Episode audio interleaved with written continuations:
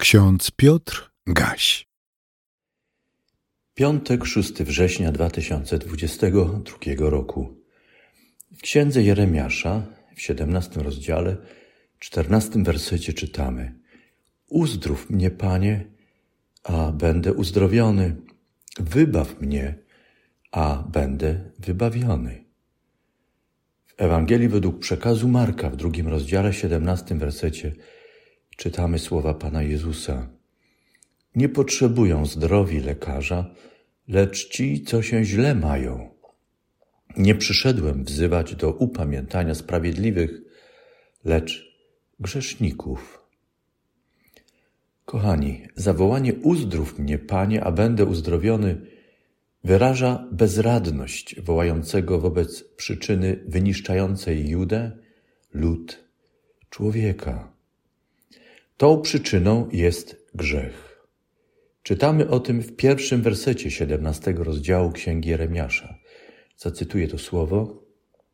Grzech Judy jest zapisany rylcem żelaznym, ostrzem diamentowym wyryty na tablicy ich serca i na narożnikach ich ołtarzy. We wspomnianym rozdziale, w wersetach piątym oraz dziewiątym, Prorok wyjaśnia istotę grzechu, która, grzechu, który ściąga na człowieka przekleństwo. Zacytuję to słowo. Przeklęty jest mąż, który na człowieku polega i z ciała czyni swoje oparcie, a od Pana odwraca się jego serce. Podstępne jest serce bardziej niż wszystko inne i zepsute, któż może je zmienić? Któż może je zmienić? To retoryczne pytanie na końcu wydaje się, że jeszcze bardziej pogłębia dramat grzesznika. Przytoczone obrazy z księgi Jeremiasza pobudzają naszą wyobraźnię. Któż zdoła usunąć głęboki ślad po żelaznym rylcu? Rysę wyżłobioną ostrym diamentowym ostrzem na tablicy serca. Kto uczyni serce gładką, czystą tablicą, tak by nie było na niej śladu grzechu? Człowiek nie jest w stanie tego sam uczynić. Nie ma takiej mocy. Ale Pan, Pan może to uczynić. Stąd modlitwa. Uzdrów mnie, Panie, a będę uzdrowiony. Wybaw mnie, a będę wybawiony. Ta modlitwa ma sens. Przy czym sens nadał jej Pan, nasz Bóg, przez to wszystko, co czyni dla Judy, dla wszystkich ludów świata, dla nas. Wersety siódmy oraz dziesiąty w siedemnastym rozdziale Księgi Jeremiasza wskazują na tego, który ratuje grzesznika. Najpierw w wersecie siódmym czytamy, cytuję, Błogosławiony mąż, który polega na Panu, którego ufnością jest Pan. Każdy więc, kto chce uwolnienia od przekleństwa, kto chce uzdrowienia i wybawienia, winien zwrócić się do Pana i w nim pokładać swoją ufność. W tym miejscu jednak pojawia się pewien problem. Jak grzesznik sam z siebie może rozpoznać przekleństwo, zepsucie i przewrotność, skoro przyzwyczaja się do nich? A przyzwyczajenie zmienia człowieka. Jak mówimy, staje się jego naturą. Pan jednak i w tym przypadku wychodzi człowiekowi naprzeciw. Uzdrawia i wybawia przeklętych z powodu grzechu. Cóż więc czyni Pan? W dziesiątym wersecie czytamy, cytuję, Ja, Pan, zgłębiam serce, wystawiam na próbę nerki, aby oddać każdemu według jego postępowania, według owocu jego uczynków.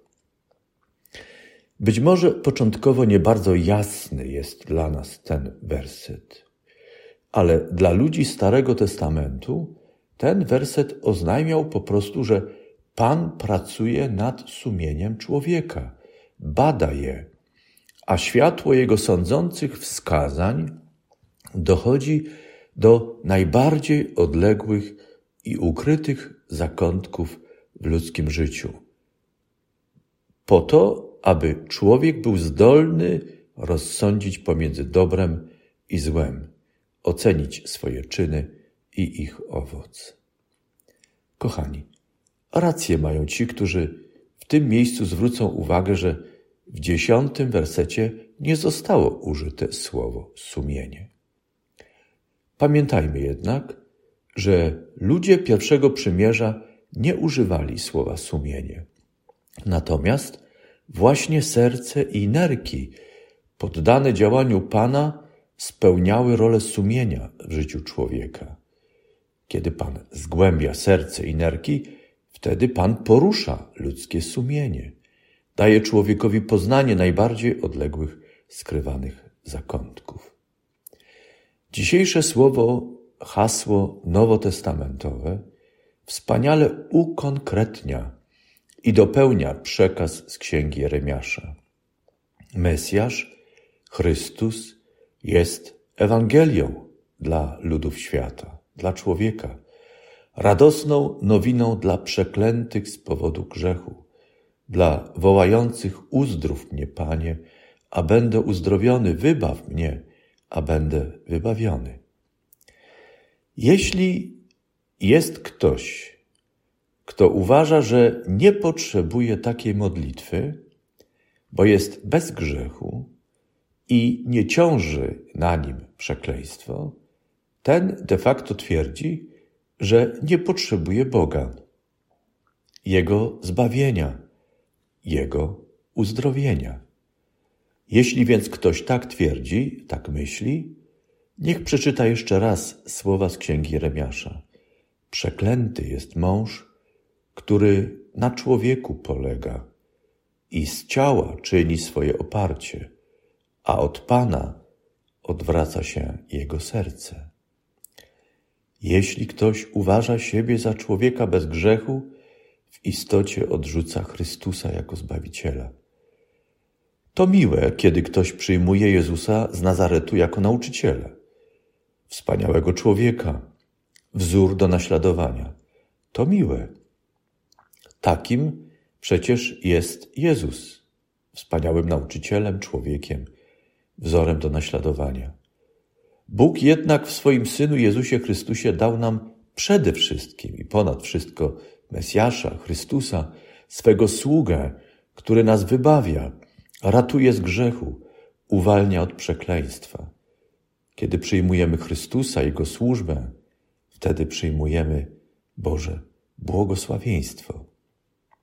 Ksiądz Paweł Gerhardt w swojej pieśni, którą znajdujemy w śpiewniku kościelnym pod numerem 165 w drugiej zwrotce tak wyznawał i modlił się. Uzdrów mnie, Panie, lekarzu duszy, ulecz, co schorzałe mdłe.